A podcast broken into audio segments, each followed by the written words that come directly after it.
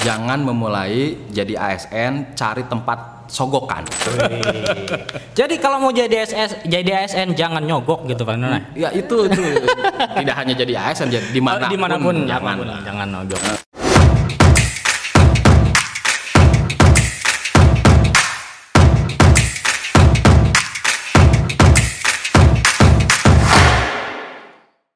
Kali ini podcast Radar Banten kedatangan tamu yang sangat spesial, orang yang sangat luar biasa di dunia literasi yang kemarin baru mendapat penghargaan sebagai ASN Inspiratif 2021.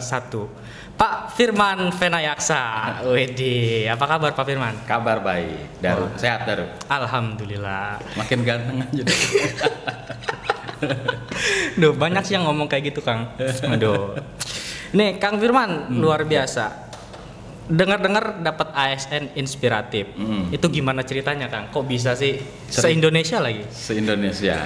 Semoga nggak jadi ASN internasional ya. jadi em, ini anugerah ASN ini anugerah tahunan sebetulnya Daru. Anugerah tahunan. Eh, ini yang 2021 ini tahun keempat. Jadi sudah keempat kalinya begitu ya. Oke. Setiap tahun Kementerian eh, Menpan RB itu eh, membuka ruang gitu bagi siapa pun boleh mendaftarkan diri, boleh didaftarkan oleh eh, instansinya begitu ya, bahkan oleh masyarakat, artinya komunitas yang eh, dia ada di situ begitu. Nah, saya termasuk orang yang mendaftarkan diri atas inisiatif dari teman-teman. Jadi mendorong begitu supaya daftar deh coba begitu awalnya sih. Sebetulnya saya udah tahu seti- apa ya empat tahun lalu Oh. begitu, tetapi rasa-rasanya kok kayak Indonesian Idol gitu-gitu ya.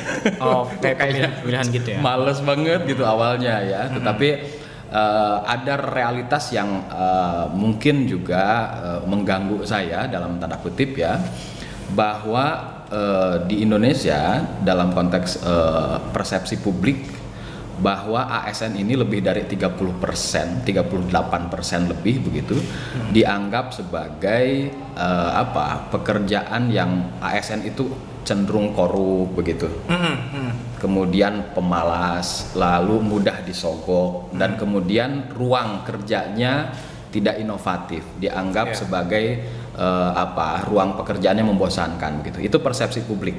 Ya. Itu bahkan termasuk eh, persepsi yang dibangun oleh eh, orang-orang milenial, anak-anak milenial, Iya, gitu, iya, bahwa pekerjaan ASN eh, semacam itu. Nah, saya tidak dalam posisi menyanggah ya, tetapi karena saya ASN sudah lebih dari 15 tahun menjadi dosen di Universitas Sultan Ageng Tirtayasa, saya sepertinya terdorong untuk memberikan warna yang berbeda begitu. Karena selama ini juga toh saya dengan teman-teman juga ada gerakan literasi yang sudah dibangun sejak eh, 2003 begitu dan mungkin bisa ditawarkan ke publik terkait dengan warna ASN yang berbeda itu begitu kurang lebih Wis luar biasa. Nih sebelum kita jauh ngomong tentang ASN inspiratif Firman. ke mana-mana Iya. Ini disapa dulu sobat podcast. Radar Banten ya Kang di sini Kang, disapa dulu. podcast Radar Banten apa siapa ya Sobat, sobat. oh sobat Iya. Oh, oke sobat podcast Radar Banten tetap nonton sampai beres ini moga-moga nggak aneh-aneh kita ngobrol Soalnya biasanya kalau ketemu ngomongnya aneh-aneh biasanya. ya, Pak Firman, ini ASN inspiratif nih ya. Itu seperti apa sih memang sebenarnya makna dari ASN inspiratif itu sendiri? Ya. Berarti ada ASN yang nggak nggak inspiratif berarti ya? nggak juga Oh, nggak juga. Eh, ya itu tadi harapannya kan eh, apa di mata publik ASN itu memang ingin bebenah juga begitu ya Hmm. Iya. artinya eh, memang di, di sisi yang lain ada perspektif yang juga muncul bahwa kalau jadi ASN aman lah urusan ente tuh seumur hidup Ah, iya. karena ada apa pensiun dan seterusnya Ah, begitu ya Pokoknya mah disayang mertua aja. Saya mertua aja pokoknya. Nah itu ada persepsi yang memang seperti itu. Kemudian juga ya dianggap lebih nyaman, punya daya tawar ke depan dan seterusnya itu juga harus kita akui begitu ya. Iya. Tetapi fakta yang memang harus dimunculkan adalah bahwa tidak semata-mata semacam itu juga. Ada begitu banyak tantangan, apalagi dalam konteks sekarang begitu ya. Eh, ASN di- dituntut berperan lebih dan dan sepertinya itu yang diharapkan oleh Kemenpan RB ya oleh negara begitu ya. Ya kalau kerja dalam konteks yang normal ya ya ya biasa Artinya semua orang memang punya standar kerja di ASN itu. Iya. Tetapi yang diharapkan oleh teman-teman di Kemenpan RB adalah ada nggak ASN yang tidak hanya fokus bekerja dalam konteks formal itu, tetapi juga melakukan pengabdian pada masyarakat gitu, yang sebetulnya tidak dituntut dalam konteks kerja. Iya. Nah itu itu yang eh, sepertinya diharapkan oleh eh, Kemenpan RB, makanya muncul anugerah ASN itu begitu. Oke, ya dekat-dekat kan Pak Firman juga mendirikan komunitas motor literasi, kemudian aktif ah, juga di Rumah Dunia itu. Ya. Apakah itu salah satu yang Itu. menjadi Salah satunya itu. Eh, memang ada ada integrasi antara apa yang saya kerjakan di ke- di, di apa di Untirta. Saya dosen, memang salah satu eh, mata kuliah yang saya tawarkan kepada mahasiswa itu pembelajaran literasi. hmm, Nah, di sisi yang lain eh, sebagai dosen memang ada kewajiban tridharma perguruan tinggi, Daru. Iya. Jadi tidak hanya mengajar, tetapi juga penelitian dan yang paling penting justru pengabdian. pengabdian? Nah pengabdian ini eh, sayangnya begitu dipersepsikan oleh banyak kawan-kawan di di kampus terutama begitu. Ini ya ya hanya sekedar mendampingi mahasiswa eh, yang KKM begitu ya. Kemudian eh, apa namanya eh, kegiatan-kegiatan yang seremonial dan seterusnya. Dan menurut saya itu harus kita perbaiki bersama. Karena pengabdian itu pengabdian pada masyarakat itu juga seperti pengajaran dan penelitian yang harus berkesinambungan. Kan ketika kita mengajar di kampus itu kan enam semester eh, apa satu semester enam bulan begitu ya. Itu kan continue ya tambah semester berikutnya continue terus menerus jadi Iya. selama kurang lebih 15 tahun ya saya bekerja dalam konteks mengajar ya mengajar terus begitu ya. Nah begitupun penelitian begitupun pengabdian. Jadi pengabdian itu tidak semata-mata hanya sekedar menunaikan kewajiban untuk eh, kum namanya kalau mau naik pangkat itu di kami ada kum namanya itu. Hanya sekedar itu selesai begitu kan disayangkan. Sementara kita di di kampus saja di, di Untirta saja lebih dari 700-an eh, dosen begitu yang punya kewajiban sama seperti mengajar dan mengabdi begitu ya dan eh, penelitian. Nah, harapannya sih ingin memicu teman-teman juga bahwa eh, kita pengabdian itu tidak seremonial, tidak hanya sekedar satu dua hari, tapi harus kontinu sesuai dengan eh, apa namanya profesionalitasnya di atau di bidangnya masing-masing. Karena Ya. saya pembelajaran literasi, saya fokus memang di literasi.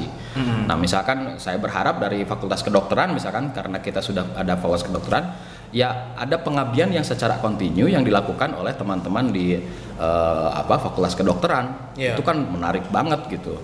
Eh, begitupun dengan teman-teman dari dosen di ekonomi, misalkan bagaimana membuat eh, unit bisnis yang betul-betul eh, menjadi inkubator bagi UMKM misalnya. Iya. Nah, itu sebagian juga sudah dilakukan, hanya memang Hmm. expose yang apa yang eh, mungkin belum terlampau terlihat. Hmm. Nah, saya harapkan sih semoga dengan eh, apa eh, anugerah ASN ini banyak potensi-potensi yang muncul ke permukaan gitu. Iya, iya. Kalau kemarin Daru nonton di acara penganugerahannya itu Kang di TVRI, Iya. itu kan eh, hadiahnya selain piagam kemudian ini ada hadiah kenaikan pangkat. itu apakah dari dosen jadi rektor atau gimana? Maksudnya gimana tuh Kang? Banyak yang yang ini juga tuh yang Ah. eh, apa bercanda mungkin. Ah, ah, iya. Jadi kalau di kampus ya di di ASN secara umum kan ada grade ya. Oh. Ada grade eh, apa eh, 3A, 3B, 3C, Ah. nanti 4A, 4B dan Iya. seterusnya. Kalau di kampus sebagai dosen eh, fungsionalnya itu ada asisten ahli, kemudian lektor, lektor kepala, profesor. Kurang lebih begitu. Itu Oh. kenaikan pangkat yang dimaksud. Jadi kalau misalkan sekarang saya 3D nih, Kak sekarang 3D, 3D lektor. Lektor. Nah, berarti mungkin nanti eh, direkomendasikan naik 4A lektor kepala. Jadi tinggal ya satu step lagi ke profesor. Mungkin begitu. Wih, Ah. luar biasa. Naik pangkat, naik gaji juga. Wah, ini. Gawat ini. Nanti setelah ini banyak yang minta ditraktir, Bang. Oh iya. Padahal kenaikan pangkatnya masih lama. Oh masih lama. Ta- tahun depan atau gimana? Pasti tahun depan. Oh tahun depan. sekarang. Enggak enggak langsung Kang. Biasanya kenaikan pangkat di ASN itu di eh, April dan Oktober. Oh pengajuannya, tahun. Oh, pengajuannya. Ah, nanti diproses. Ya masih lama lah itu. Oke oke oke. Ini kalau Daru ngelihat sepak terjang Kang Firman, wih sepak terjang Hmm. Sepak banget. terjang. Ini kayak sepak bola.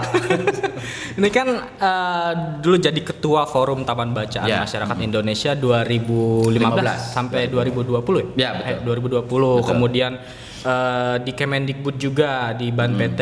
Terus Ban PNF, Badan oh, Akreditasi PNF ya. Ya. Mhm. Kemudian juga eh, sekarang jadi ASN inspiratif. Ini Hmm. artinya setiap jenjangnya tuh berjenjang dengan naik-naik terus nanti tingkatnya. Ini apa rahasianya kuncinya Kang? Sebagai anak muda nih butuh Oh, motivasi. saya juga masih muda, Ru. Oh, iya. Jangan salah kamu. Sembarang. Iya iya iya iya. Gimana tuh Kang? saya selalu men-challenge diri ya. Hmm. Artinya menantang diri sendiri. Masa kerja harus begini terus gitu. Oke. Eh, jadi karena mau lama mau sebentar di dunia ini ya tetap meninggal. Mm-mm. Harapannya eh, saya ingin selalu ada perubahan setiap hari begitu ya. Selalu ada perubahan minimal kita bisa melakukan perubahan di lingkungan sekitar saja yang kecil saja begitu ya. Nah, kemudian juga kaitannya dengan eh, literasi ya karena memang hidup saya di situ gitu, Ru. Iya. Eh, kita eh, penulis begitu ya, kemudian senang membaca buku dan seterusnya sehingga ya memang itu yang bisa eh, saya lakukan dan bicara tentang literasi ini yang agak ngeri di Indonesia, saya tidak terlalu percaya dengan minat membaca Indonesia itu rendah ya. Karena Iya. yang paling terlihat di di mata kepala kita adalah persoalan aksesibilitas sebetulnya. Iya. akses terhadap eh, bukunya atau akses terhadap literasinya. Bukan semata-mata eh, apa menjudge bahwa minat membaca itu rendah tetapi aksesnya nggak ada begitu itu sama halnya dengan eh kamu nggak bisa main bola ya tapi ke lapangan aja belum pernah bagaimana kita bisa bicara minat rendah begitu Iya. Nah, ditambah lagi misalnya persoalan buku ya. Di perpustakaan umum di Indonesia, buku itu hanya 25 juta dari lebih dari sekian ratus juta masyarakat Indonesia. Iya. Jadi satu banding 10 orang menunggu peminjaman buku gitu. Jadi eh, tidak ideal, sama sekali tidak ideal. Maka memang gerakan literasi harus dibangun secara bersama-sama begitu ya. Nah, itu saya kira eh, apa yang yang saya lakukan jadi ya kemudian saya di badan akreditasi lalu di ya pernah di Banten di Dewan Riset Daerah Oh iya, ya saya kira itu ya amanah saja ya saya kerjakan seoptimal mungkin yang bisa saya lakukan gitu Oke oke oke oke Hmm. oke. Jadi memang basicnya eh, dari dunia literasi Kang ya perbukuan ininya. situ. Ah, Oke. Ini ngomong-ngomong kapan kita touring lagi Kang? touring Sambil bawa buku. kemarin gara-gara covid kita rada off dulu ya memang Iya. tapi sempat lah beberapa kali datang ke beberapa tempat Ah. Eh, di motor literasi eh, yang yang apa yang kita inisiasi sebetulnya ingin mencoba untuk tadi menjawab tentang aksesibilitas itu karena eh, apa lebih banyak buku-buku itu kan muncul apa menyebarnya di, di kota ya dari- di kota lebih banyak di kota. Sehingga ya harus ada move harus ada eh, eh, yang mobile. Nah motor literasi melakukan step itu. Bagaimana buku-buku yang dari kota kita bawa pakai motor datang ke desa-desa. Nah di desa Iya. itu kan ada perpustakaan desa ada taman bacaan masyarakat. Nah kita bisa titip di sana sehingga masyarakat bisa mengakses buku. Walaupun ya tentu dengan segala keterbatasan yang kita miliki ya. Tapi paling tidak yang sering ditakutkan orang adalah usaha. Jadi berusaha itu sebetulnya kata kuncinya ya. Bukan usaha dalam artian jualan bukan. Saya nggak nggak nggak terlalu bisa untuk jualan. Tapi berusaha dalam artian ayo kita mulai eh, dari diri kita begitu. Dengan segala keterbatasan yang ada kita berusaha dulu. Jangan sampai kita eh, apa namanya selalu mema- memaki apa kegelapan tetapi tidak berusaha menyalakan lilin begitu Iya. di lilinnya dulu yang harus nyalakan Wih, baru kita boleh boleh. enak boleh, soalnya ini eh, Iya. bagus suaranya ya jadi Eh, iya, iya, iya, iya, iya. Apa satisfying gitu ya? ya? Iya iya iya oke oke oke oke.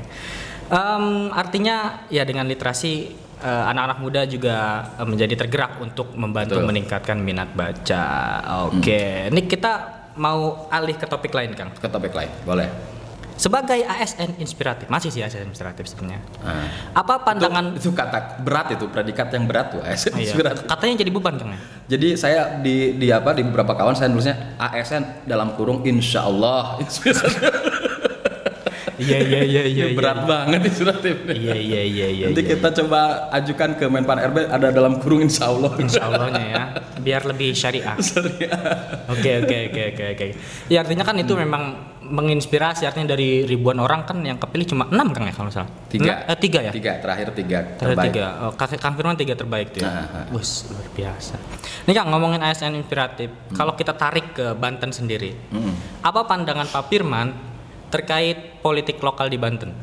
ke politik apaan ini Da- dari ini.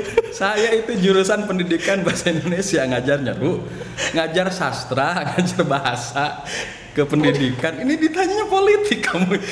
Ini bentar lagi di delete dari radar Banten bahaya nih. Pandangannya Politik. aja. oh pandangannya aja. Ya tukang beca juga bisa kan Iya, ngomong bebas, politik ya. bebas. Ah, oke.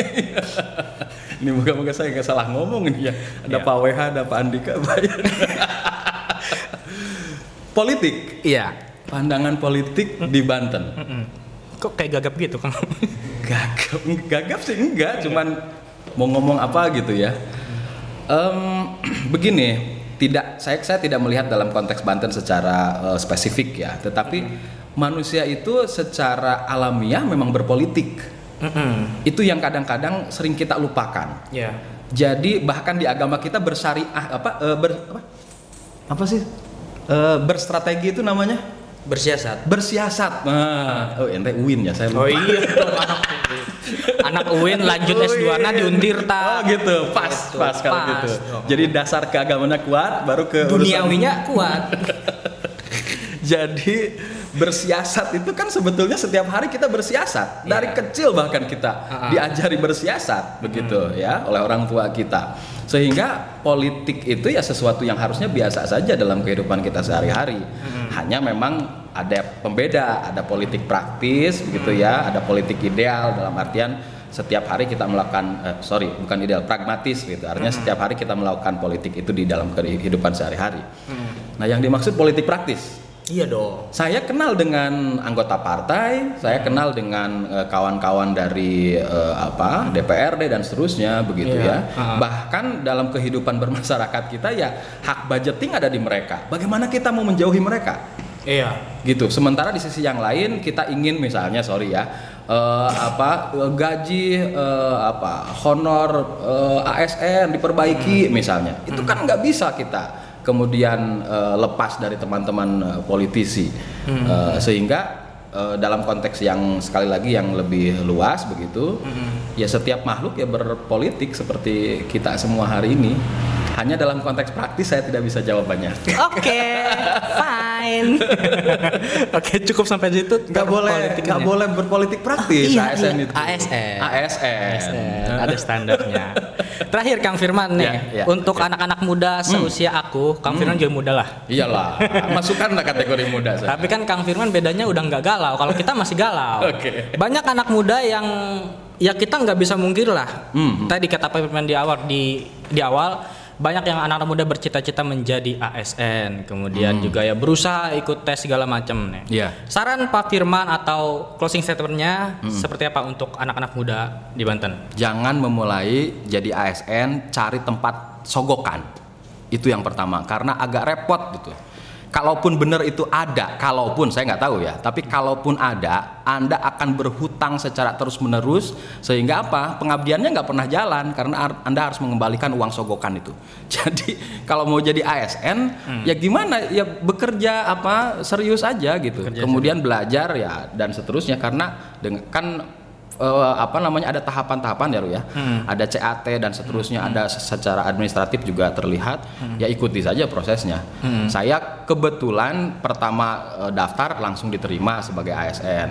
Eh, istri saya juga kebetulan sama begitu ya.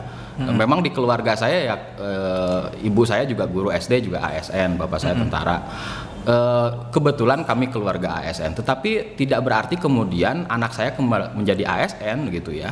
Banyak sekali peluang-peluang di hari ini yang eh, jika anda punya kuncinya yaitu kreativitas dan inovasi, saya kira eh, anak muda bisa bertahan. Bahkan eh, bisa memegang eh, apa namanya ya eh, kekuasaan di di dalam eh, kehidupan anda sehari-hari begitu. Jadi nggak nggak semua harus ASN karena mohon maaf ya, kalau misalkan dari sisi nominal yaitu relatif memang eh, aman, tetapi juga kita kan yang paling penting kan pengabdiannya begitu Iya. ya. Eh, nggak nggak gampang juga sih jadi ASN jadi di mana pun bekerja kalau saya sih lebih lebih apa moderat begitu ya. Jadi silahkan bekerja di mana pun selama anda eh, optimal dalam bekerja saya yakin suatu saat juga selalu ada berkah yang eh, di apa menguntit anda di kemudian hari begitu gitu. Luar biasa. Jadi kalau mau jadi SS, jadi ASN jangan nyogok gitu Pak Nona. Ya itu itu tidak hanya jadi ASN jadi di mana pun, di mana pun jangan lah. jangan nyogok. Eh, karena walau bagaimanapun saya penyuluh anti korupsi harus Wis, luar biasa tuh kan penyuluh anti korupsi juga ngeri ngeri ngeri ngeri ngeri ngeri ngeri ngeri. Oke Pak Firman, thank you Hmm, luar ya, biasa baik, banget nih sobat Radar Banten Podcast. Semoga perjumpaan kita menjadi berkah Pak Firman. Amin, amin. Membawa manfaat ya, biar lebih islami ditutupnya gitu Pak Firman. Syar'i banget. Buat teman-teman semua yang mungkin eh, ingin menyaksikan tayangan podcast Radar Banten langsung aja bisa di channel YouTube Radar Banten Official, bisa juga dengarkan di Spotify dan jangan lupa like, subscribe and comment. Untuk mahasiswa saya harus nonton. Wajib, wajib. Nggak nonton, dek, dek. Waduh waduh gawat. Dadah, thank you semuanya. Terima kasih.